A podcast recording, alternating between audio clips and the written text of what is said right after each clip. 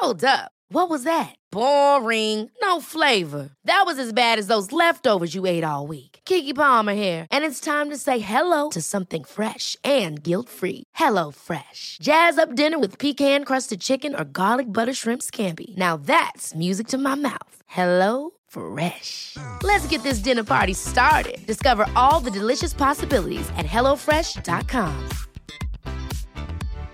One size fits all seems like a good idea for clothes until you try them on. Same goes for healthcare. That's why United Healthcare offers flexible, budget friendly coverage for medical, vision, dental, and more. Learn more at uh1.com.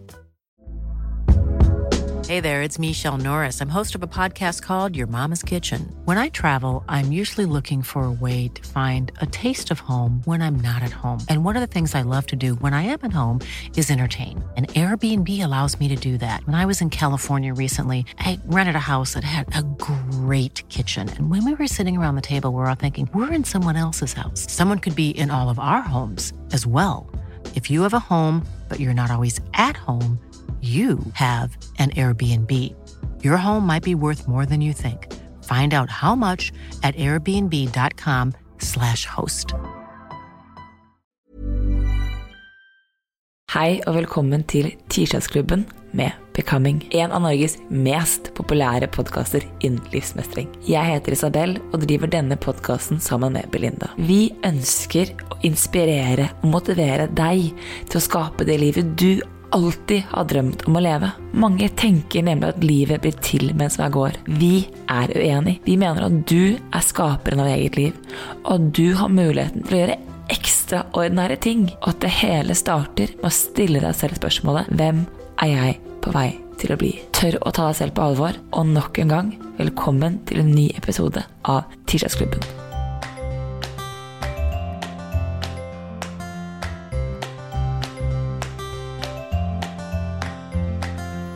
Ok, Velkommen tilbake i, til Becoming Maria. Dere som har hørt på podden vår, vet at Maria Mork er den fantastiske kvinnen bak Partolken.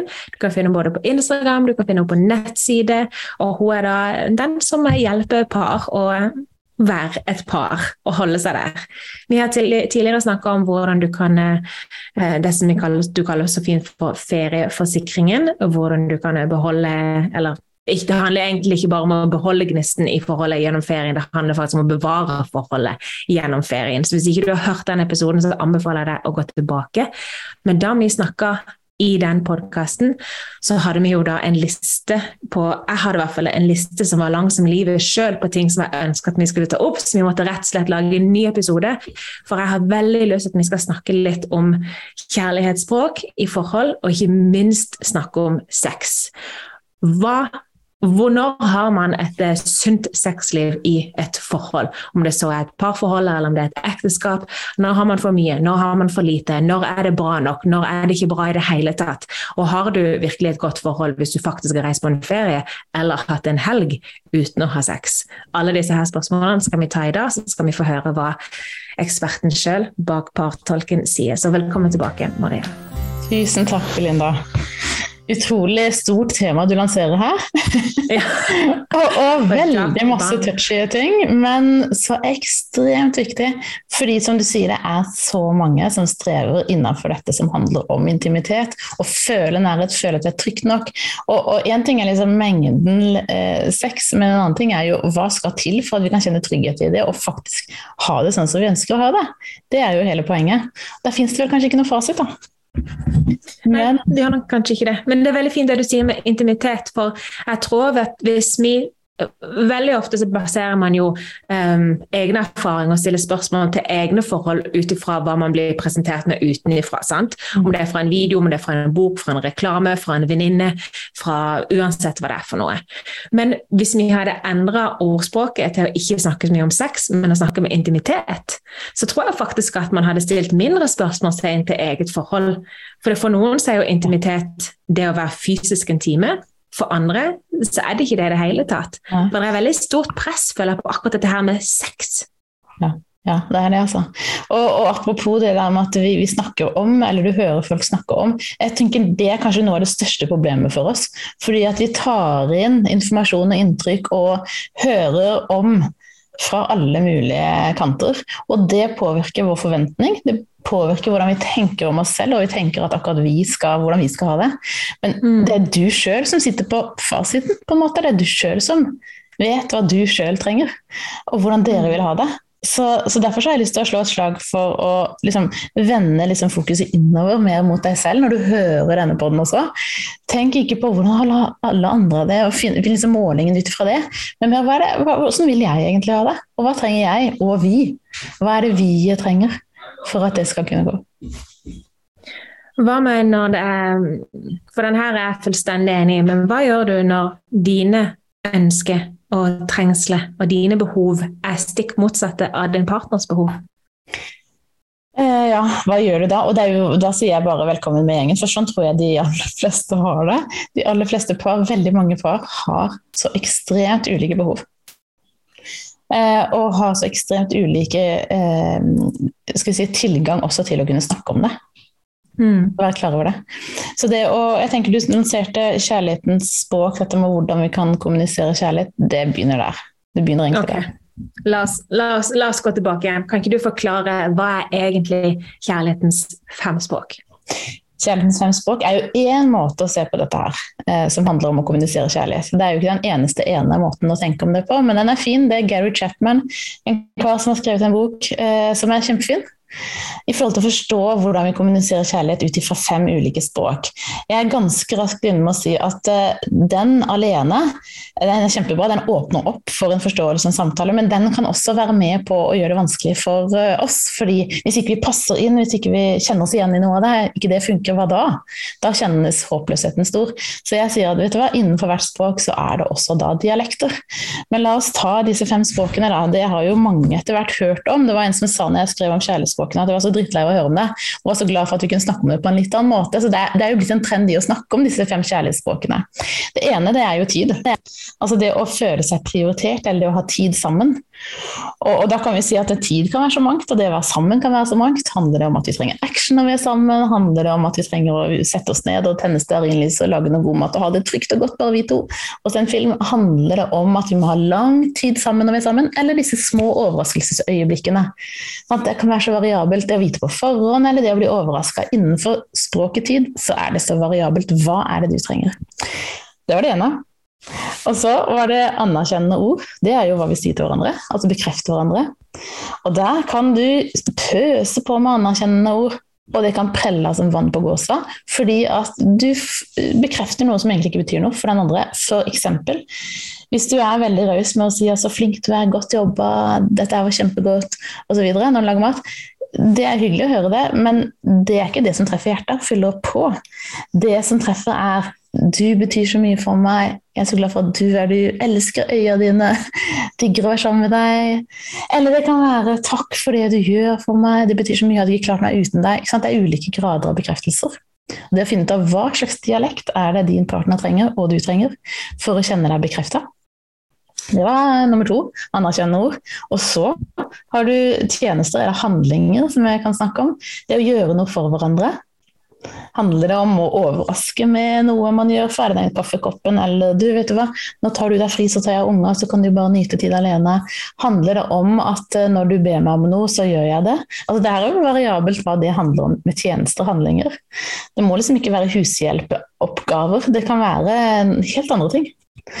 Eh, og veldig mange ganger så ser vi også at utfordringen er at man, man, gjør så mye som ikke blir sett. Og så er det med på å gjøre det vondt verre, istedenfor at jeg er med på å fylle på. Så det var handling og tjenester.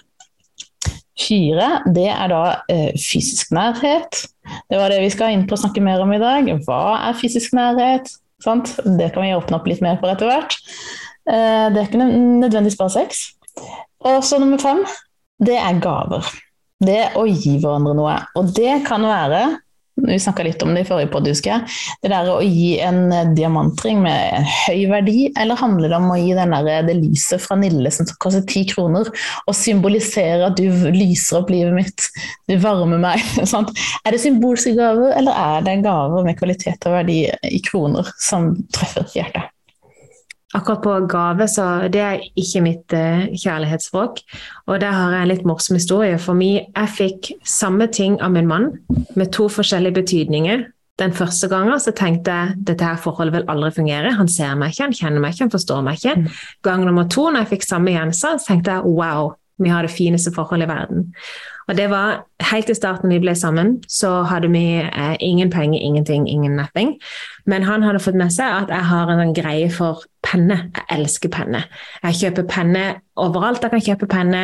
Um, noe av det fineste gaven jeg fikk av min far, det var en trykkeblyant inni et sånn et flott etui. Og liksom jeg har ja, mange sånne affek mye affeksjonsverdier rundt de pennene jeg eier per i dag. da. Eh, det hadde han fått med seg, så vår første jul sammen så hadde han kjøpt med en Mont Blanc-penn.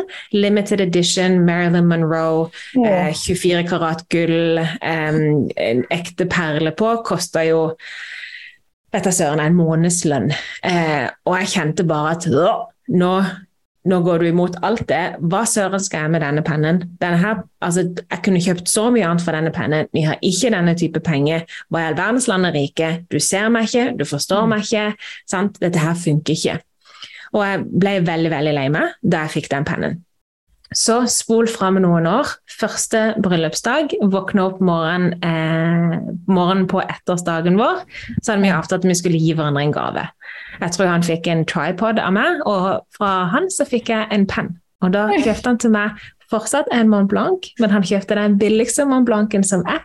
Så sier han her har du en penn med den billigste versjonen du får i Mont Blanc, fordi nå vet jeg. Og da var jeg sånn her Åh! Ja, helhjertet. Ja, og vet du hva, der sier du det. For at han var, hadde fanga opp hva du ønska deg, og som treffer hjertet ja. ditt. Og, og høre det, møte deg på det, det er jo den beste gaven man kan få. Og den beste kjærlig, kjærlighetsspråket. altså Det å kommunisere på den måten. Jeg ser, jeg hører, og jeg gir deg det du ønsker. Mm. Noe av det som sårer og kanskje sviker mest, det er når du vet hva jeg trenger, og gir meg det ikke. Nettopp. nettopp. Og i mellomtida her også hadde jeg jo lært at hans måte å vise kjærlighet til meg, det er å gi meg kvalitet. Så jeg hadde jo fortsatt ikke aldri gått ut og kjøpt Mont Blanc-penn til meg sjøl, uansett pris, men jeg visste hvor mye det lå i for han å kunne gi meg kvalitet, men fortsatt møte meg på mine eh, premisser. Da. Så det, ja, det er veldig morsomt at akkurat samme ting, samme situasjon, forskjellig intensjon rundt det, endrer hele, hele gaven og hele opplevelsen. da. Så det er klart at det å utforske og være nysgjerrig på for sin egen del, hva er det jeg, hva er det jeg fylles opp med? Jeg kaller det ofte drivstoff istedenfor kjærlighetsspråk, mm. for det er jo det. Hva er det vi trenger drivstoff for å funke? Altså denne mm. bilen vår, eh, det er ikke likegyldig hva vi fyller på tanken eller eventuelt lader opp denne bilen med, ikke sant? Det er jo faktisk Du trenger en diesel eh, Hvis en dieselbil skal fungere, så må det være diesel. Det funker ikke med mm. bensin.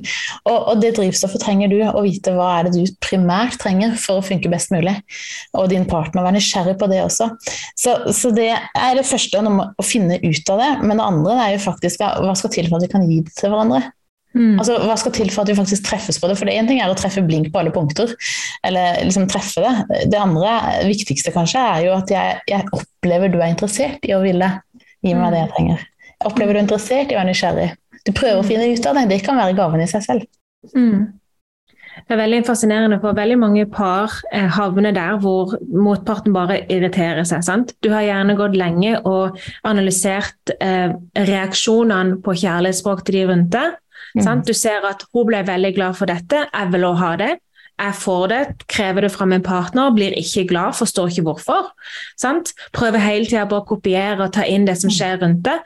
Du glemmer å gå inn i deg sjøl, så havner du gjerne på et sted hvor um, ting ikke lenger føles godt. Du har ikke lyst til å spille din partner god. Han irriterer deg grenseløst. Mm. Han ser ikke den forbanna oppvasken, han tråkker over den jævla eh, klesvasken. Han eh, hører ikke når kidsene roper, han tar ikke, noe, tar ikke hunden når hunden bjeffer. og det er bare sånn han, Du kjenner bare at vet du hva, hadde jeg hatt et bøtte med iskaldt vann nå, så hadde jeg faktisk helt over han. sant?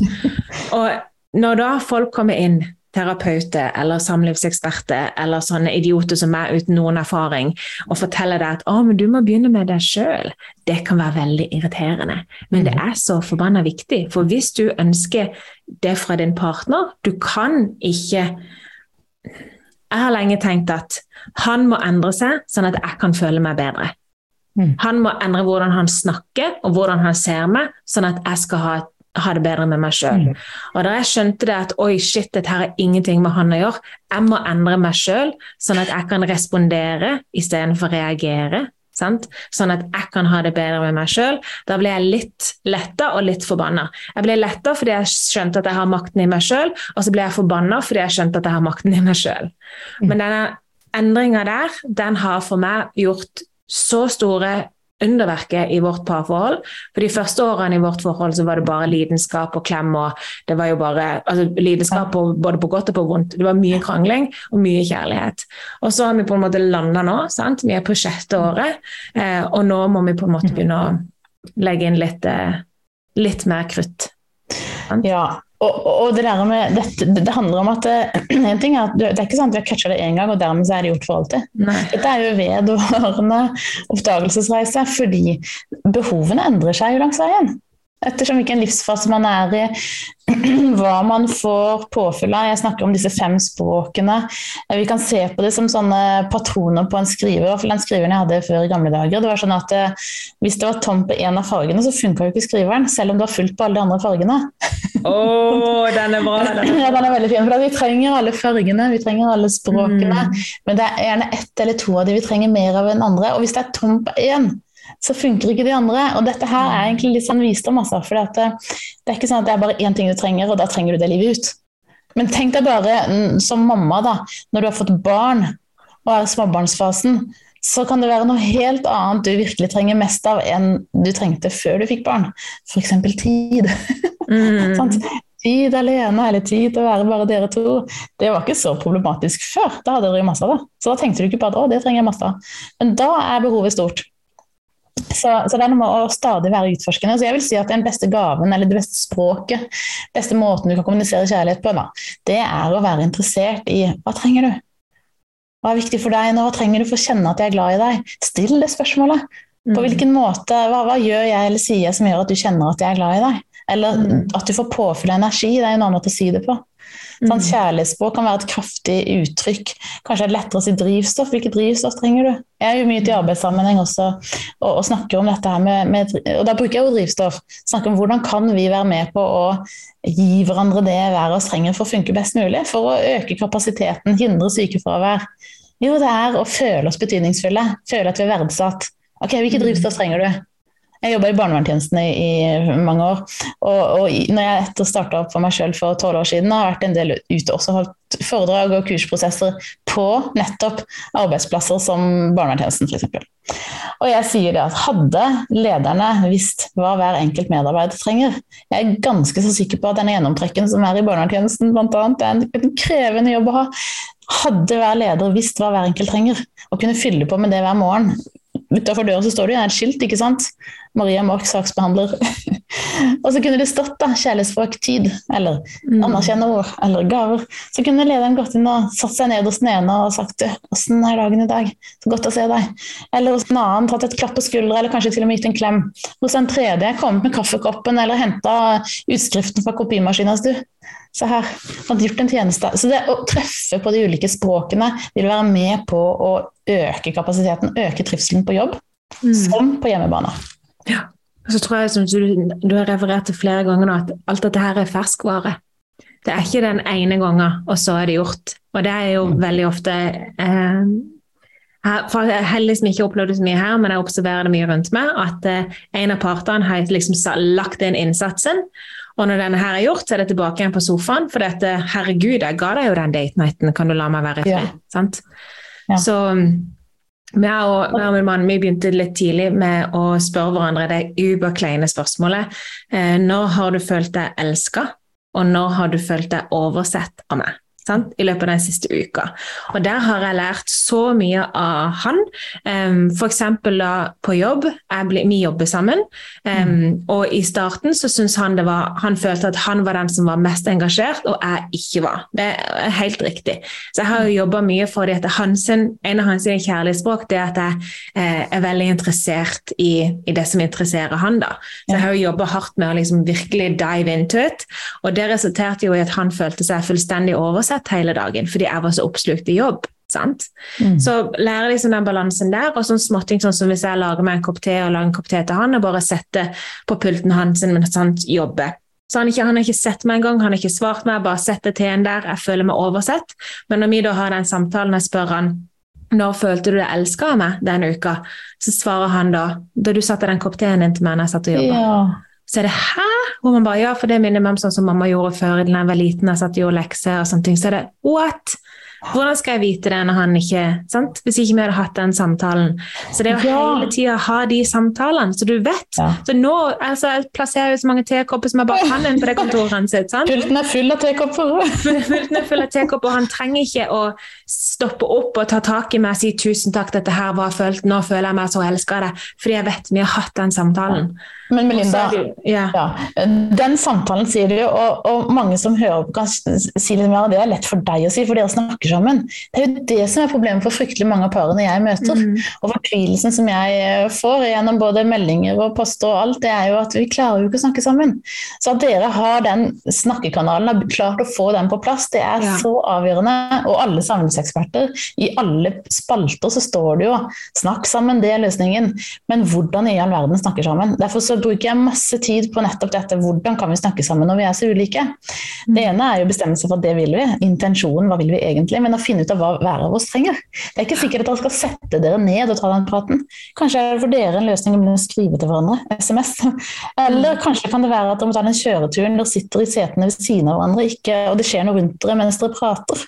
Så han slipper å se hverandre inn i øya. Kanskje det handler om at du må vite at din partner trenger tid på å forberede seg før dere skal ha den praten. Hvis du bare sier du, vi må snakke sammen, jeg må snakke med deg om noe.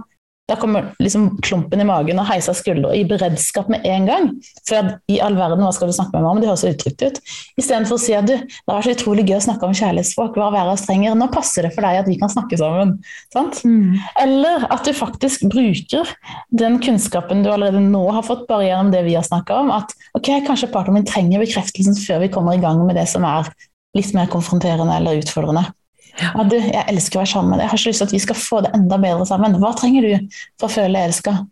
Sant? Det kan være inngangen til det, istedenfor å si at du, jeg trenger dette for å føle meg elska. Eller jeg, du gjør aldri sånn. Det er jo det som ofte blir. At man kritiserer med måten man sier det på. når man, I hvert fall kan det virke sånn og oppfattes som kritikk når man sier et behov. Istedenfor å bekrefte først. Jeg pleier ofte å referere til mine valg som jeg tar i dag. som Jeg, jeg sier ofte at jeg gjør det ikke for dagens Belinda, jeg gjør det for fremtidige Belinda. Jeg tror det er viktig det å tenke på med disse um, samtalene som man ønsker å ha. Man får ikke de over natta. Men hvis du skal starte, start nå, så om et år til så kan du sitte og ha en time samtale med din partner, og det er åpent og, og ærlig og vakkert og flott. Og de samtalene som vi har nå, de hadde vi heller ikke i starten, for vi visste ikke. Men vi, hadde, vi bestemte oss fra dag én for én ting, og det er at vi skal ha et godt ekteskap. Det er paraplyen. For å få et godt ekteskap så må du ha litt interesse. Og det som vi snakket om i den tidligere episoden òg, du får ikke det du vil ha i livet, du får det du interesserer deg for. Det eneste du trenger for å få på plass en god, en god samtale med din partner, det er å interessere deg for den gode samtalen og være nysgjerrig på hvordan du kan få det til. Så kanskje du må, du må begynne med deg sjøl, og kanskje du må bomme ganske mye. Men hvis du oppriktig interesserer deg for hvordan du kan få en god samtale med din partner, så skal jeg love deg at du vil finne veien inn til en god samtale med din partner. Kanskje er det innom en partolk først, kanskje er det å lese noen bøker, kanskje du må begynne å heftig meditere for å unngå å smelle, sant? Men det finnes som regel veier inn til en god samtale. Og hvis du begynner i dag med bitte små ting, så vil ditt fremtidig jeg være så takknemlig for at du bare begynte. For at du bare sa 'kan jeg spørre deg om noe skikkelig kleint nå'? Har du følt deg elska av meg i dag? Sant? For mange så er det flaut, for de bruker ikke engang ordet elske eller kjærlighet. sant? Men Bruk et annet ord, da. Nå føler du lada opp, eller nå kjenner du at eh, jeg gjør deg glad. Eller Ja. ikke bruke elske, for det kan være et kraftig ord. Men det handler om valg. Å ta et valg. Du har allerede tatt et valg med å høre på denne podkasten. Det er et valg du har tatt. Og så kan du velge å teste ut noe av det. Ta et valg på at du vil ha det godt. Mm. Det starter der. Og så, både du og jeg, det er jo noe av det som, som vi har truffet hverandre på, Belinda. Det er jo de der små, små stegene dag for dag. Det er måten jeg jobber på når jeg møter par og følger par gjennom prosesser. Og også det jeg tenker når jeg formidler noe på Instagram og i ulike kanaler. De små stegene hver dag, det er det som fører til noe. Fordi livet består av øyeblikk. Veldig mange sier at vi har ikke tid, og hverdagen er så full, og det er den. Det er virkelig travelt og hektisk, og det er vanskelig å få plass til det, men alle har vi øyeblikk. Og de øyeblikkene som lader ut, som sårer, krenker, avviser, de er jo der. Sant? De har vi plass til. Så det er å bruke de øyeblikkene til å gi det blikket til å spørre, til å ett og ett steg hver dag. Og det er jo noe av det som vil skape en forskjell, men det starter med et valg. Hva vil du egentlig? Mm. Jeg vil egentlig ha det godt sammen. Ok, da får vi til det, da. Og finne ut ja. hva som skal til. Bare begynne å spille hverandre gode. Det var en annen ting også vi bestemte oss for. Um, så, det var litt ganske godt inn i forholdet. Det var rett og slett det, vet du hva, kan vi bare avtale én ting mellom hverandre? Det at vi skal spille hverandre gode. Vi skal ha rom for det at vi er mennesker, og mennesker vil gjøre feil. Jeg kommer til å velte over en vase og knuse den. Tror du Jeg kommer ikke til å gjøre det med vilje. Når det skjer, så forventer jeg at du skal spille meg god. Du skal ikke si 'hva driver du med', eller 'pass nå opp', eller 'hallo'. Du skal si 'skal jeg hjelpe deg å feie opp'? Sant? Ja. Jeg kommer til å si en løgn og bli tatt i den løgnen fordi jeg er menneske, det er menneskelig å lyve. Jeg kommer til å eh, være slapp og sliten og ha lite energi. Jeg kommer til å ha altfor mye energi, jeg tar for mye på min kappe. Jeg kommer til å gjøre veldig mange ting i mitt liv fordi jeg er menneske. Du som min partner, jeg vil at du skal spille meg god. Så jeg orker ikke høre masse negative eh, kommentarer. Jeg orker ikke få beskjed om at jeg må irettesette meg, eller at jeg burde tenkt annerledes, eller noen ting av disse her. Sant? Og Det igjen kommer fra observasjonen av de parene som jeg eh, har vært rundt i løpet av mitt liv, at det er mye sånne småstikk hele tida, mm. som om det er ikke rom for å være et helt menneske. Men det var jo vi heller ikke forberedt på før vi tok den samtalen. Og nå så er det sånn, det er ikke så lenge siden jeg knuste noe, f.eks. Jeg kan være litt sånn klønete. Og så ser jeg min mann kikke meg, ja, og så bare Jeg skal hjelpe deg å feie opp. Og så ble det bare sånn en morsom greie istedenfor at jeg skal gå og føle meg dårlig. Det blir dårlig stemning. For mitt ekteskap er faktisk ikke verdt at vi skal ødelegge en hel dag med dårlig stemning pga. én knust gjenstand. Det er ikke det jeg kommer til å huske når jeg ligger på dødsleiet. Sant? Men det begynte jo når man har den kommunikasjonen som er stikkende, så begynte ikke det i går. Det er et resultat av slitasje. Det er et resultat av at ikke vi føler oss sett. Et resultat av at eh, vi ikke er så nær som vi ønsker vi skal være. Det savnet, sant? den følelsen av å være avvist ikke betyr som den viktigste for den andre. Og her bringer det oss rett inn i det temaet du lanserte i starten der, som handler om sex, intimitet. Sant? For det er nøkkelen til å ha god sex. Ja. Det er jo hvordan møter du partneren din når partneren din knuser noe? Sant? Hvordan blir du møtt? Eller hvordan, hvordan eh, tåler vi hverandres sårbarhet, svakhet? Det forplanter seg inn i det som handler om intimitet og sex. Mm. Det er der det starter. Det starter ikke i senga eller der hvor du velger å ha sex.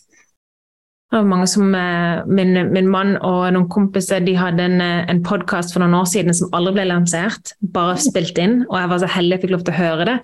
Og der snakka de da om temaet uh, foreplay. Når starter foreplayet? Og der kom en mann inn som den nå er jeg jo litt inhabil, men som den briljante personen er. Så sa han vet du hva, den begynner med oppvasken. Det er der du begynner å gjøre klar for om du skal get lucky or not. Og så syns jeg òg at det er, det er, veldig mye fokus på at det er, liksom, det er, mannen som vil ha sex, men kvinnen som ikke vil. Jeg vet ikke om det er en myte eller ikke, men jeg syns det høres veldig rart ut. Jeg føler at vi blir tatt fra vår egen seksualitet når, når det, det, som alltid er fokus for hva med, hva med oss. Det, det, er veldig ofte motsatt her i hus. Ja, men altså, det, det, har, det Jeg møter jo veldig mange par gjennom min praksis. Og jeg vil jo si at det er mye mer variabler enn akkurat den der eh, typisk mann, typisk dame. Ja, kanskje er det i overkant, men allikevel så er det definitivt sånn at det kan være dama som har eh, mest behov, eller behov for oftest, eller osv. Men likevel, hva er det vi trenger for å kjenne tenningen, for å ha lyst på? For å ha lyst mm. til å ha lyst på, sant? Det er klart at I hovedgrad ser jeg jo flere damer som opplever denne dårlige samvittigheten på at en burde kanskje ha stilt opp mer eller tatt initiativet. Eh, opplevelsen av at det som starter på kjøkkenbenken, si, eller kanskje om morgenen, hvordan vi møter hverandre om morgenen, er med å forplante seg til det som skjer senere på dagen i forhold til intimitet. Men, men jeg ser også variabler at det er mannfolk som trenger den gode stemningen, trenger tryggheten. Trenger å oppleve at eh, du ikke blir irritert på meg, for det er som kjepp i hjulet på lysten. Mm. Hvor viktig vil du si at et, et eh, trygt og aktivt sexliv er for parforholdet? Jeg vil si at trygghet er viktigere enn trygt og aktivt sexliv. Hvis jeg kan bruke det mm. sånn. Altså, jeg tenker det Å bare vite at vi vil oss, vi vil spille hverandre gode. Jeg elsker det uttrykket der. Og jeg lanserer det veldig ofte for par når de skal velge seg en intensjon. Hva vil de egentlig? Jo, spille hverandre gode. Det er det viktigste. Og om det innebærer sex en gang i året eller hver eneste dag, eller som ei dame sa, jeg vil ha det morgen, middag, kveld, ja. Det var liksom, der var de. Sånn, så det er jo veldig veldig variabelt. Jeg tenker Det viktigste er at vi spiller hverandre gode, vi har det godt. Det må ikke innebære at det er et veldig aktivt sexliv. Men om dere ønsker å ha det, så er det så viktig å finne ut av hva er det som skal til for at vi kan kjenne lysten, og tenne lysten hos hver av oss. Og det funker ikke at det bare liksom, du får det du trenger. Det er jo det som er hele greia med den intimiteten. At vi gir hverandre noe. Og hvis ikke du er interessert i hva den andre trenger, hva som tenner den andre, hva som gjør den andre føler seg trygg, da taper du. Mm. Selv om du sjøl kan bli tilfredsstilt i øyeblikket, så, jeg, så, er det som ofte så sier de også at det er ikke tilfredsstillende i lengden. Det sier jo alle eksperter. Og det kan jo veldig mange par bekrefte. Mm. Jeg ble introdusert for et par for ikke så lenge siden som eh, etter mange år med et aktivt og flott sexliv eh, ble fratatt det pga. sykdom. Mm. Og jeg spurte deg hvordan, hvordan går det Sier de de har aldri hatt det bedre. Kan du tenke deg? For dette, de ble frarøvet den tingen de hadde, og veldig ofte så kan sex være mindre intimt enn f.eks. det å ligge i senga og kikke hverandre inn i øynene. Det jo, oh, ja. For meg så er det det, det, det mest intime jeg noen gang kunne gjøre. Det var min søster som, som kom, mm. til, kom, med den til meg i, i, fjor, tror jeg det var, eller var det året før? Så sa hun det, hun spurte meg hun bare, hvor ofte ligger det og man i senga og bare kikker hverandre inn i øynene lenge. Jeg var sånn, herregud, ikke kom til meg med noe kjærlighetsråd. Jeg har det beste ekteskapet som faktisk fins. Det gidder ikke jeg høre på. Går rett i sånn en type sånn søstergreie. sant? Rett i motsvar. Så jeg tenkte på dette her, at herregud, vi gjør jo ikke det i det hele tatt. Så skulle jeg teste det, da. Sorry, nå ringer det her. Hvor i verden er det ringer? Jeg hører ingenting. Nei, det ringte inni her. Jeg må bare notere at dette her, Vet du ca. hvor mange minutter vi er inne i denne, her, så jeg vet hvor jeg skal eh, Kanskje en halvtime. Ok. Vi skal redigere dette her ut. Eh. Så tenkte jeg at dette her gjør jo ikke meg min mann i det hele tatt. Så jeg sa til min mann den kvelden bare legg deg ned. Eh, vi skal prøve noe helt nytt i senga i kveld. Han var ok. Ja, vet du hva? Jeg var dritflau. Jeg syns det var kjempeflaut. Min mann, som jeg trodde at jeg var så trygg på, og liksom vært så intime og alltid hatt det veldig sånn kult fordi at å, men jeg er friseksuell, og liksom, vi har det bra på alle plan, og vi kan snakke sammen, men jeg klarte nesten ikke se fyren inn i øynene og ligge der. Jeg var kjempeflau. Vi kikka bort hele tida. Så det å gjøre sånn en øvelse òg, eh, og det som vi snakka om i den forrige episoden òg, det å klemme hverandre i 8 eller 20 sekunder hver dag, at det faktisk kan endre hele forholdet? Det kan det. Og jeg har en veldig sterk historie på det. eller Jeg kunne ramse opp mange, faktisk, men det var et par jeg fulgte for et års tid siden. Hvor utfordringen jeg ga dem inn mot sommeren, og vi skulle liksom roe litt ned på kontakten vi hadde for jeg, Når jeg jobber med plass, så går jeg all in. Da er jeg personlig trener over en periode. Da har vi kontakt mye hver uke. Eh, men da skulle vi roe litt ned, de skulle gå inn i ferietid, og de valgte seg deg da oppgaven det med å gi en klem, eller ta en klem, ikke gi en klem, ta en klem hver dag. For når du tar, så er det ikke sånn at du står og forventer at den andre skal ta initiativet og gi deg, men du skal ta fordi du trenger det. Ja. Når du klemmer, og helst mer enn åtte sekunder, så frigjøres hormonene i hjernen som senker stresset i kroppen din og mellom dere, og som skaper gode følelser. Så det å gjøre det hver dag, det valgte de seg. I tillegg til dette her med å velge å spørre istedenfor å anta den nysgjerrigheten. At de valgte seg teknisk og veldig sånn der, eh, ja, skal jeg si det for noe, litt sånn, eh, ikke så veldig romantisk akkurat, men velger å spørre hverandre hver dag. Hva trenger du for denne dagen? Hva er viktig for deg? Så kommer de tilbake rett etter sommeren, og øyet hennes stråler, og han sitter der god og fornøyd med smilet sitt. Vet du. Og så sier hun hva, jeg har fått lysten til å ha lyst tilbake. Og den har vært borte i mange år. Og det var så herlig å møte dem og se hva som hadde gjort det? Jo, det var nettopp at de visste at denne klemmen den tok til verden. Det var så godt. Det hadde vært med på å gjøre at frykten og usikkerheten mellom dem hadde blitt borte. Fordi at de hadde bare begynt å komme sammen sånn. Og vært på tur og hatt sex på det her og der. Og, og det var jo en ny tilværelse for dem som hadde hatt tørke i mange mange år. Så lysten til å ha lyst var kommet tilbake. Og det er klart at Der står det man er kommet inn i noen spor. vet du. Så det er klart at Har man da vært i et spor hvor man kjenner på den dårlige samvittigheten, burde egentlig tatt mer initiativ, frykter å gå og legge seg, kanskje sniker seg inn etter den andre og sovner for å hindre de situasjonene. ikke sant? Det er sånn typisk. Så det er klart at Mange føler seg frustrert og avvist osv. Og, og, og som også han som jeg snakket om i stad.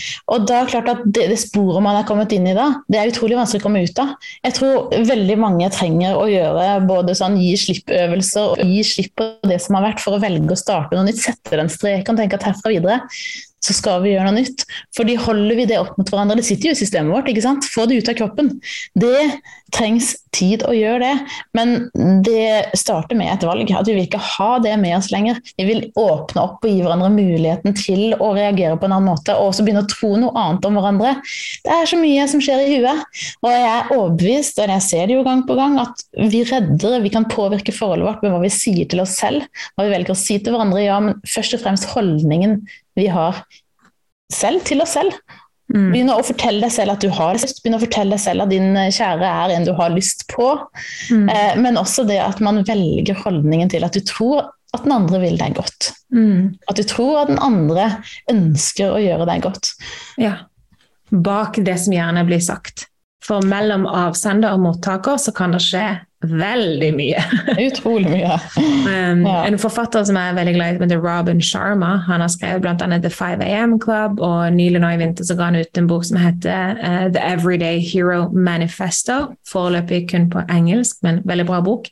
Men han hadde en setning som jeg har tatt med meg så mye, og det er If it's hysterical, it's historical. Så hvis det er hysterisk, så er det historisk. Ja. Og det har hjulpet meg mye òg, fordi min mann kan si noe til meg, og jeg kjenner bare at jeg klikker inni meg. Sant? Jeg, er en veldig sånn, jeg klikker ikke så ofte utad, jeg klikker inni meg.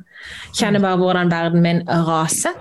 Og før så har vi da havna i en sånn krangel fordi han bare Hva pokker var det nå jeg gjorde galt? Sant? Så, jeg bare, så klarer ikke jeg å forklare det til han, fordi jeg har ikke forstått det sjøl. Det han egentlig har gjort, er at han har møtt en trigger i meg. Ja. Sant? Så nå prøver jeg å tenke ok, hvis det er hysterisk, så er det historisk. Når har jeg følt dette her før? Så bare mm. hold deg på følelsen, f.eks. av følelsen av at han um, Den jeg ofte føler, det er at jeg blir forlatt. Mm. Sant? tenker jeg, Men kjære Jesus, eh, mannen min er jo eh, veldig intens og veldig glad i å være med. Hvorfor sitter jeg nå med følelsen av at han har forlatt meg? Og denne samtalen her vil ikke komme noen ting produktivt ut av. fordi at han vil ikke forstå, for jeg klarer ikke å forklare det, så nå må jeg nødt til å gå inn i meg sjøl. Så klarer jeg da å kjenne på følelsen, og så vil kroppen da når du, Dette er en øvelsessak, jeg har gjort dette i et år. ok? Mm. Skjønte ingenting, hørte ingenting da jeg startet med dette for et år siden. Men øvelse gjør mester. Men når du da hekter deg på en følelse, mm. så kan du la kroppen din guide deg til tidligere minner hvor du har hatt akkurat den følelsen. Og veldig ofte så tenker vi motsatt. Vi tenker 'nå har jeg opplevd dette før?' Og så kommer man ingen vei. Men følelsen Du kan ha én følelse, samme følelse, på to vidt forskjellige situasjoner. Så hvis jeg da f.eks. et med føler meg forlatt Igjen, eh, mine foreldre skilte seg da jeg var åtte mm. måneder. Det følelsen av å være forlatt er, er ganske langt tilbake igjen. sant? Så kan jeg skjønne da at shit, dette her har ingenting med min mann å gjøre. Mm. Dette her er gamle gamle sår i meg som jeg må jobbe med. Og da må jeg gjøre noe som tok meg mange år å gjøre. Og det er å krype til korset. Ja. Det er å si til min mann jeg beklager for at jeg reagerte som jeg gjorde. Det handler faktisk ikke om det. Nå skal du høre hva dette her egentlig er. Og så må jeg da slippe han inn. Og det er det skumleste jeg noen gang har gjort i mitt liv. Det å, å slippe han inn. Ja, og det er skummelt, fordi at du vet ikke hvordan du blir møtt. Og det er jo der mange sår lages opp. For at nå er du heldig å bli møtt på en god måte av din mann, men det er ikke en selvfølge at eh, en partner klarer å tåle å møte på de såreste følelsene. For man er så fylt av sine egne følelser, sine egne triggere. Og det du forteller om den triggeren der med, med frykten for å bli forlatt, ja, det stammer fra noe som skjedde, og har sikkert skjedd flere ganger, noe som ligner på. Men det er også noe med hvilken mennesketyper vi er. Og og I partolkingen så bruker vi alltid praktiske verktøy som bl.a. personanalyse. Kartlegger hvem dere blir i møte med hverandre, og bruker denne forståelsen av ulike atferdsprofiler. Det er klart at For en av profilene, som er den stabile profilen, den som liker god stemning, legger til rette for andre, er god å prate med, trenger det stabile og er god til å lage trygghet, det er jo en som triggeren hos den er jo nettopp det å bli forlatt, å bli alene. Sant? Det sitter i hele systemet. Og, mens for en annen så kan det tvert om være denne kvalitetssøkeren som liker at ting er uh, systematisk, at det er ryddig, at man er gjerne analytisk, tolker ting ut fra logikk. Frykten der er jo å bli kritisert på det man gjør. Og, og, og man tolker da mye som kritikk. Og det som skjer da i en sånn situasjon, kunne vært var for en kvalitetssøker å møte det med analytiske spørsmål, møte det med ja, men eh, det, det er ikke, altså, Man sitter helst i sine egne følelser av å bli kritisert, når den andre egentlig bare er ute til å fortelle noe som er sårbart. Det var mitt forhold, og fortsatt er til en veldig stor grad. Så tilbake igjen til dette, denne paraplyen jeg har satt over mitt ekteskap, som at jeg skal ha et godt ekteskap. Og hvordan får du det? Jo, du må ha nysgjerrighet, og du må ville ha et godt ekteskap. Så jeg har måttet sitte i så mange hvor, situasjoner hvor jeg har åpna mitt sår, det er blodig, og det er vondt. Og jeg blir møtt med jeg så ta på et forbanna plaster, da jeg har dårlig tid. Mm. Eller det der er ikke noe, det der er ikke noe sår. Det der er ingenting. Sant? Veldig analytisk. Så jeg har måttet bruke mange år på å trene min mann opp til å kunne møte mitt sår. Sant? Mm. Og dette her, Vi hadde senest en samtale om dette her bare for noen dager siden, hvor jeg da igjen åpner opp et sår, blir møtt med superanalytisk og bare se dette, dette, dette skal du gjøre for å fikse det. Next. Sant? Fordi han takler ikke å sitte i dårlig følelse. Han ubehagelige følelse. Da vil han bare løpe så fort han bare kan, mens jeg har behov for å la den bølga gå igjennom. Så da er det bare å forklare igjen og igjen og igjen. Fordi jeg vil ha et godt ekteskap, jeg har nysgjerrighet, og jeg tror at med tida så vil vi faktisk kunne lande der at jeg kan åpne et sår, og at han kan komme inn og bare blåse på det forsiktige og holde meg. Men det tar tid. Men jeg skal jo være gift med denne mannen resten av livet. Ja, det er jo det som er meningen, da. Det er det vi egentlig vil. Også, også, Vi snakker om, om, om, det å ha lyst til intimitet og sex. Jeg tenker at det er definitivt Den verste turnoffen det er jo når man ikke blir møtt på sårbarhet. Når man blir avvist mm. eller man ikke føler seg møtt på det som er sårt. Det, er, altså, det blir som et stort juv mellom mm. to som skaper utrygghet, og som definitivt ikke skaper lyst. Men tvert om, da, så er nettopp det å dele sårbarhet, det er, det er turn on. Altså det er med på å virkelig skape lyst. Jeg husker et par som satt foran meg.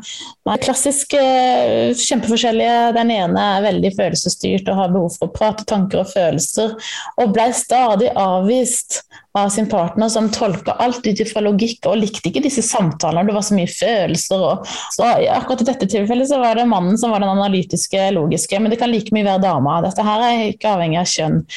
Hvor, hvor frustrasjonen hennes blir større og større på å ikke bli møtt. ikke sant? Og Hun hadde jo virkelig skrudd av lysten til intimitet. Hun følte seg så avvist. Og han var kjempefrustrert, for han ble ikke møtt på sine seksuelle lyster. Uh, så det juvet mellom de to var tydelig, og det hadde vedvart i flere år. Prøvd masse ulike hjelp. Så hadde vi kommet godt i gang med prosessen, så sitter de foran meg. Vi hadde en god stund sammen, fordi de hadde kommet til Kristiansand for et døgn. Vi hadde en lang dag sammen hvor vi har tid til å gå inn i nettopp disse sårbare tinga.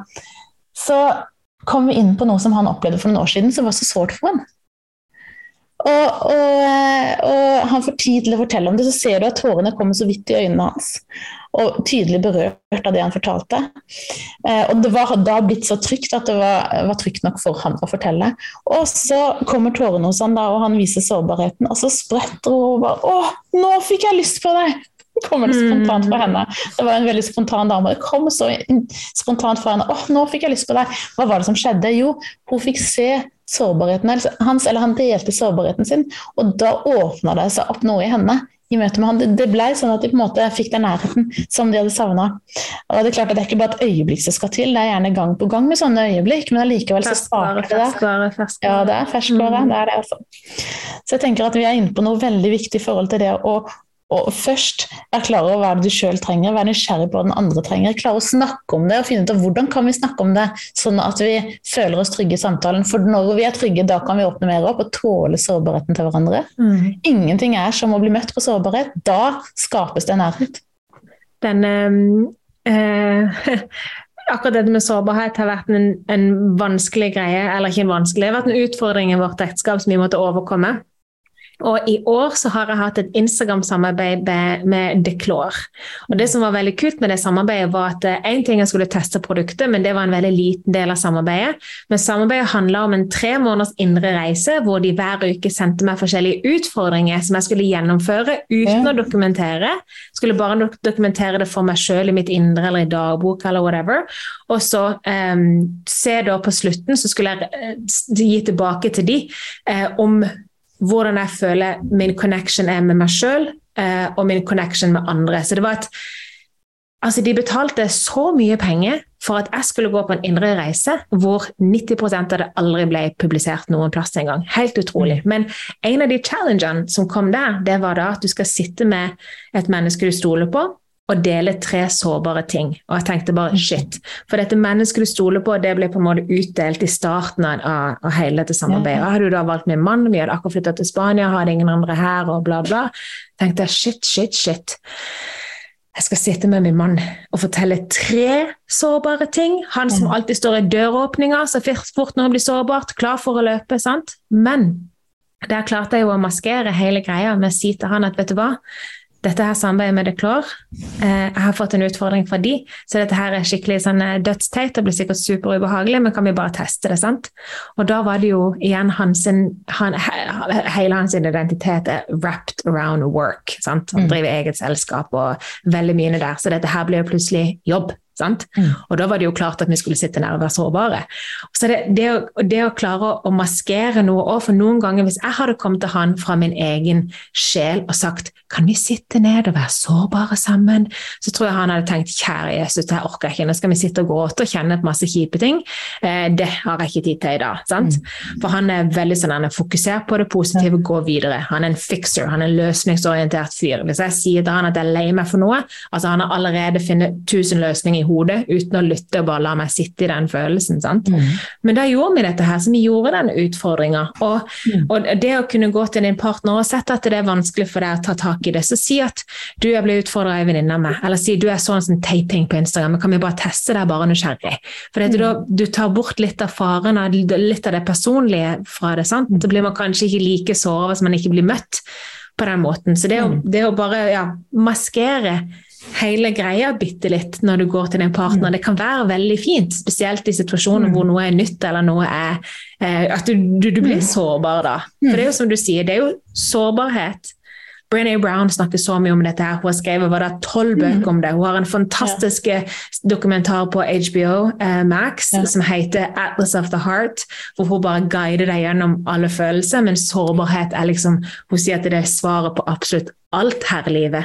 Å kunne tørre å være sårbar eh, hvis du skal ha en connection både til deg sjøl og til andre. Og det som skjer, er jo at det, hver gang du hver gang du skjule en sårbarhet, så legger du et lag over det. Sant? Det er som en løk hvor sårbarheten er i midten, og så er det bare 100 lag. Sant? Men det å begynne å skrelle disse her tingene, det er den intimiteten som du sier som oppstår. Som endrer alt. Det endrer måten du leier på, det endrer klemmen du står i, det endrer sexlivet ditt, det endrer kysset, det endrer alt. Fordi du har latt ett menneske komme helt inn, og der inne blir man oss to mot hele verden. Og det er bare sånn når vi sitter I går så var vi på en dritkoselig eh, date nede på stranda med naboene våre på 82 oh, og 75 år. Ja. Mm. Eh, og vi hadde piknikstoler og skikkelig skikkelig koselig. Satt eh, på kveldstida, og til og med der òg var det noe som ble sagt, og så kikker jeg over på min mann, så kjenner jeg bare den bølgen av kjærlighet. For jeg visste at han skjønte hva jeg tenkte, for jeg har sluppet han inn. Ja. Han vet hva som foregår helt på det innerste. Og det gjorde ikke jeg før i fjor, faktisk. Jeg måtte ha en egen sånn, en life coach, som da er Isabel, til å guide meg gjennom, til å holde meg hånda mi mens jeg skulle tillate han å komme helt inn til meg. Så det er ikke noe som skjer over natta. det er ja. Time. Det tar tid å gjøre det, altså. men det begynner et sted. Og, og ta ett og ett steg. Og, og, akkurat nå er det jo sommer, og, og, ferieforsikringen er en sånn hjelper som gir steg for steg, litt og litt. Og du kan bruke det du hører i denne podkasten og tenke at ok, dette her har jeg lyst til å prøve ut litt og litt og litt. Velge ut noe. Så som du sier, da. Eh, øyeblikk for øyeblikk, som vi snakket om i stad, det er veien å gå for å begynne å skape noe. Men velg deg ut hva er det ditt, hva er det det som kan skape noe hos deg. Den klemmen kan være noe. Dette med å velge å dele tre sårbare ting, som du sa, Belinda. Fantastisk måte å gjøre det på. Eh, fantastisk, altså Det er krevende, det er ikke lett i det hele tatt, men det kan være med på å åpne opp noe. Så ikke tenk at det er det store fjellet du skal gå over med en gang. Ta en og en liten etappe av gangen. For det, langs veien så vil det åpne seg noe. Så det starter med viljen, nysgjerrigheten. Og og vi snakka om dette eh, med å liksom finne kjærlighetsspråket, hva er det du trenger osv. Mange sier at ja, men jeg har ikke funnet ut, eller han eller hun vet ikke hva som har kjærlighetsspråk. Vi har prøvd og prøvd. Så sier jeg men kanskje er det ikke noe du skal begynne med, kanskje er det noe du skal slutte med. For Kanskje får du påfyll av det drivstoffet. Ja, du fyller på med diesel, men kanskje er det rusk i tanken som gjør at drivstoff ikke funker som det skal. Altså Kanskje er det rusk i systemet, eller kanskje er det en kjepp i hjulet som hindrer at hjulet går rundt, selv om det egentlig er kapasitet og potensial for det. Og det som for mange er rusk i systemet, det er eh, antagelsen. Jeg holder deg fast i noe jeg tror om deg. Sant? Det er det ene. Det andre er jo ofte tonen i stemmen, altså tonefølget man snakker til hverandre med. Kanskje er din partner en som trenger den vennlige, varme tonen i stemmen. At du trenger å være bevisst på det, for det er med på å skape den trygge stemningen.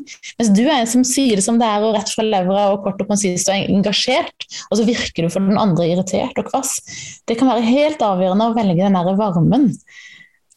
Som du gir språket, hvis du kan si det sånn, du kommuniserer kjærlighet, men fordi at du har en kvass tone i stemmen, så er det med på å hindre at det når frem.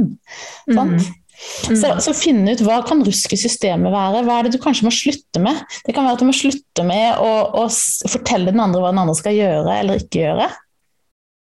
Jeg har en sånn uh, veldig uh, konkret historie i forhold til et par som, som, uh, hvor han satt og prikka med fingrene. Eller hun sa at 'jeg tror han vil meg vondt', sier hun. Å ja, jeg tror han vil meg vondt. Ja, at han sitter sa du, og liksom lar fingrene prikke bordet mens han sitter og spiser eller prater. Og jeg har sagt til han tusen ganger at han må slutte med det der. Hold opp, liksom. Jeg har sagt det så mange ganger. Allikevel så fortsetter han. Og så sier jeg ja, for jeg får så vondt i huet når han gjør det. Jeg har så for å få migrene, og det trigger migrenen min. Og så spør jeg han da, ja, er det, er det sånn at du egentlig vil henne vondt, sånn som hun føler? Og han bare nei, selvfølgelig ikke, jeg er jo glad i henne. Men jeg ante ikke at hun fikk vondt i huet når jeg prikker med fingrene. Jeg blir bare provosert når hun forteller meg hva jeg skal gjøre og ikke gjøre. Jeg hater å bli dirigert. Da vil jeg bare gjøre det enda mer. Sant? Så her var det jo en, en, veldig viktig informasjon å formidle. Det å si at vet du hva, jeg har så behov for Eller når du prikker med fingrene, så får jeg vondt i huet. Istedenfor å si slutt med det der. Har jeg ikke sagt tusen ganger at du må slutte med det? Hold opp! Sånn. En vesentlig forskjell. Så mm. kanskje trenger du å gå gjennom hvordan er det du forteller din partner hva du trenger. Kanskje må du tune måten du sier det på. Kanskje må innledningen være annerledes. Eller kanskje for deg som er frustrert for at partneren din aldri tar initiativ eller ikke viser interesse for sex. Ok, Kanskje må du gjøre om på måten du er nysgjerrig på. Måten du inviterer på. Kanskje starte om morgenen når dere våkner om morgenen. Med tonen i stemmen, eller med kaffekoppen, eller med den klemmen på kjøkkenet. Som er bare en omfavnelse uten hint om noe mer. For noe er det mest altså noe som jeg tror mange kan bekrefte, er den turnoffen som skjer når du vet at å, nå, andre, nå er den andre god mot meg bare fordi han eller hun vil ha sex. Altså den der, Du merker at det er Å, er det den dagen i dag, ja, for nå er hun eller han plutselig hyggelig. Det er jo enda verre. Så, så velg at det skal være en del av din kultur, en del av din framferd. Velg den holdningen også på de dagene hvor det ikke er forventa ønske om noe sex. Altså Bygg opp at det skal være en del av dere. Måten dere møter hverandre på. Begynn å ta ansvar sjøl. Og hvis det er ikke for alle, men hvis ønsket ditt er, hvis målet ditt er et aktivt og godt sexliv, mm. så bruker jeg litt sånn samme eh, når jeg coacher folk i business, jeg driver, jobber jo som konsulent på si, sant? jeg coacher folk i business, um, så har jeg da jeg setter alltid the end goal. Hva er målet ditt om fem år til? Hvem er du der framme? Det samme kan du gjøre når det gjelder parforhold. Hvem er du der framme? Hvis der framme, så tegner du en stor firkant. Hvis der framme er det da et aktivt og godt sexliv. Okay? Hvem er du som menneske hvis du lever i et aktivt og godt sexliv? Du kan begynne å identifisere deg sjøl med sluttresultatet. Da er du mest sannsynligvis en person som for veldig mange er det viktig å være ren. Sant? Så kanskje du dusjer hver kveld. Kanskje du eh, sover i noe som er litt sånn hyggelig. sant? Jeg vet i hvert fall at på meg, når jeg tar på meg min gammelmannspysjamas, da er det 'business is closed'. sant? Eller de gangene jeg bare unngår å dusje for eksempel, før jeg legger meg. Så hvem er du som en seksuelt aktiv person? Du er kanskje en person som tar mer vare på deg sjøl, for jeg vet også at hvis jeg har spist en hel pizza og en pose chips og går og legger meg, så har ikke jeg lyst til å bli tatt på, for magen min holder på å sprenge, og jeg føler meg ekkel. sant? Det blir sånn fettete og sant. Så hvem er du? Hvordan oppfører du det? Hvordan kommuniserer du til partneren din? Så Det å begynne å identifisere det med sluttresultatet og ta litt ansvar sjøl. Hvordan småflørter du med din partner i løpet av dagen? Ja, ja, ja. Alt dette her. Og så tenker jeg for noen ganger så kan det handle om at dere må velge andre tider på døgnet. Det må ikke skje på mm. kvelden etter dere har lagt dere. Eh, dødsslitne og, og kanskje, kanskje, våkner en unge osv. Kanskje er det Jeg vet noen, noen som har uh, hva kaller de det, sexbarnevakt. I hvert fall da, så har de, de bytter unger med hverandre venner fordi at man faktisk har mulighet til å kunne være intime sammen uten å bli forstyrra av ungene på dagtid. Altså Det går faktisk an. Jeg syns den er litt artig. Eller det er kanskje ikke svigermor du spør om det, jeg vet ikke. Men i hvert fall, Hei, svigermor. Gidder du, jeg skal bare pulle litt med sønnen din. Gidder du å bare ta Ikke sant. Vi må begynne å gå mot avrunding, men jeg kan fortelle den historien. Mm. Ja. Avslutt med en fantastisk historie. Take it away. For mange lurer på går det egentlig an å få i gang dette julien, denne, går det an å få tilbake følelsen og lysten på nærhet? Du nevnte jo litt i stad et par som hadde fått det. Jeg tenker at det, at det, handler om nysgjerrigheten, ja. Jeg husker en dame som prikka meg på skuldra. Jeg var i en butikk, så sier du, hun visste hva jeg drev med da. Du, vet du hva, jeg driver og dater eksmannen min uten at barna vet det. Og så begynte hun å fortelle at de hadde vært eh, separert noen år. Det hadde starta med at de, de, som familie hadde to barn sammen. De drev og bygga hus. Han brukte all sin tid på huset, hun holdt fortet hjemme med ungene. Og så hadde det bare gått veien hvor det ble mer og mer avstand mellom dem. Og så forteller hun da at eh, hun oppdaga da De ble separert, de solgte huset de hadde bygga, og de flytta fra hverandre når huset var ferdig. Og så hadde hun oppdaga kjærlighetsspråkene. Nettopp dette her med hva er det verre oss trenger. Og skjønt oh, det er jo derfor det gikk gærent. For hun trengte bekreftende, hun trengte tid med han. Opplevde at han prioriterte henne. Det var det lite av kan du si, når de bygga hus. Og han han trengte bekreftelser, anerkjennende ord. Og det ble det lite av og hun følte seg frustrert for han ikke mm, tok seg tid med henne. Sant? Og så kom det inn i et veldig vrangt spor. Og så begynte hun og de å gi hverandre det. Eller hun begynte å gi han bekreftelser når de hadde overlevering av barn og sånn. Og så var det med på å vekke til live noe. Mm. Og så ville jo han selvfølgelig være mer sammen med henne når han fikk bekreftelser av henne. Så det her påvirka de hverandre og, og, fikk tent på nytt noe som var blitt slokna. Og det samme er jo hvis dere begynner å, være oppmerksom på hva er det hver av oss trenger, f.eks. For i forhold til det å, å, ha lyst på sex. da. Handler det om at vi må planlegge? Et par som frustrasjonen var sterk hos. Så sier at ja, hva, hva, skal til for at du har lyst på sex? Nei, at vi er alene i huset. At de ikke blir forstyrra. De hadde ungdommer i huset da. Ok, ja, Og at vi, vi, spiser noe god mat og har noe hyggelig sammen. da, Det er viktig for meg, sier hun. Og så spør jeg når neste gang det er anledning for det. Så så de på kalenderen jo, om to uker, søndag om to uker. Og så tenkte jeg bare oi, nå kommer han til å bli tålelig frustrert. Så spør jeg han er det greit, og han strålte ja. Det er helt i orden. Jeg, for mm -hmm. da hadde han to uker å glede seg på, bare han visste at det ble. Det som skjedde mm. for dem var at Da fikk de lagt til rette for både trygghet, at de var alene, at de laget, sånn god mat, lagde en stemning som gjorde at det skapte trygghet og lyst. Mm. Og når han, han var en som likte å planlegge og likte det forutsigbare, så dette her var jo med på å tilfredsstille han, selv om han gjerne sikkert kunne ønska seg at det var sex hver dag, så var det for han godt å vite at det ble. Det var forutsigbart. Og for henne så var det jo helt avgjørende at det var trygt og en god stemning. Så det å tenne på nytt noe som er slokna, det er faktisk mulig hvis dere er interessert i å finne ut av hva er det hver trenger for mm. å tenne på nytt. Ved hjelp av kjærlighetsspråkene, ved hjelp av hvordan kommunisere kjærlighet, ved hjelp av å tåle sårbarheten og være nysgjerrig. Mm. Så tror jeg det er så viktig å helt til slutt å minne alle som lytter på, at vi går alle gjennom forskjellige sesonger i livet vårt. I mm. noen sesonger så er man altså morgen til kveld, nothing but sex. Sant? Du går rundt og bare er sår og lysten hele tida. Og så havner du gjerne i en sesong mm. hvor det bare handler om å bli sett og snakke og få mm. intimitet. Så er du gjerne i en sesong hvor det er mye krangling og mye dårlig stemning. Kanskje du skal lære noe av det. sant?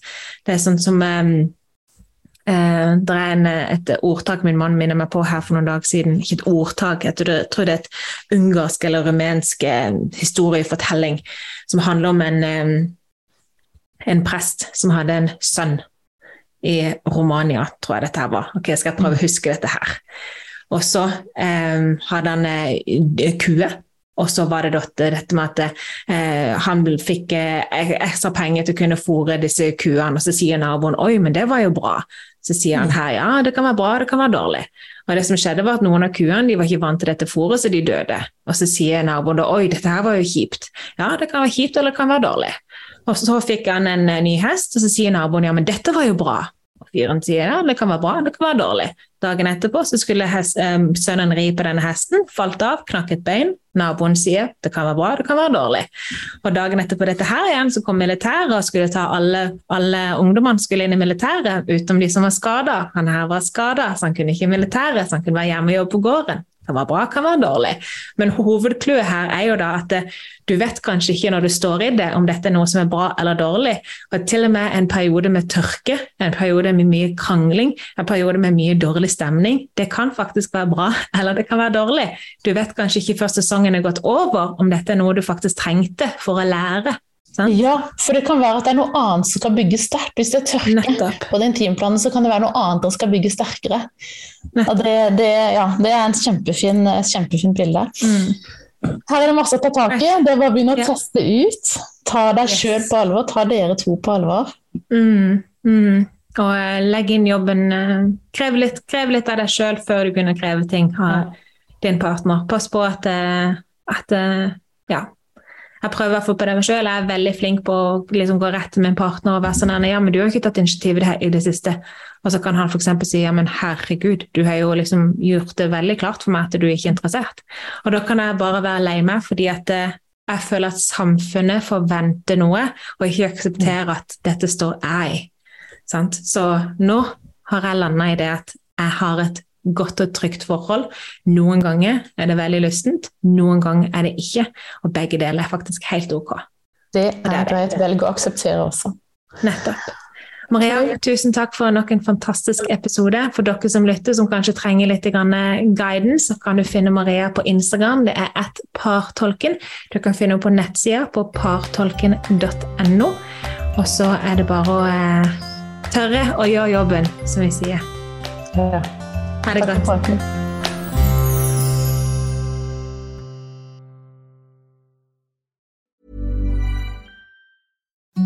Imagine the softest sheets you've ever felt. Now imagine them getting even softer over time. That's what you'll feel with Bowl and Branch's organic cotton sheets. In a recent customer survey, 96% replied that Bowl and Branch sheets get softer with every wash. Start getting your best night's sleep in these sheets that get softer and softer for years to come. Try their sheets with a 30-night guarantee. Plus, get 15% off your first order at bowlandbranch.com. Code BUTTERY. Exclusions apply. See site for details.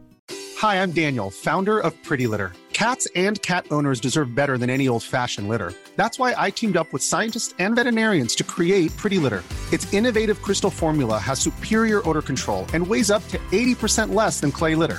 Pretty Litter even monitors health by changing colors to help detect early signs of potential illness. It's the world's smartest kitty litter. Go to prettylitter.com and use code ACAST for 20% off your first order and a free cat toy. Terms and conditions apply. See site for details. Even when we're on a budget, we still deserve nice things. Quince is a place to scoop up stunning high end goods for 50 to 80% less than similar brands. They have buttery soft cashmere sweaters starting at $50, luxurious Italian leather bags, and so much more. Plus, Quince only works with factories that use safe, ethical, and responsible manufacturing. Get the high-end goods you'll love without the high price tag with Quince. Go to quince.com/style for free shipping and 365-day returns. Planning for your next trip?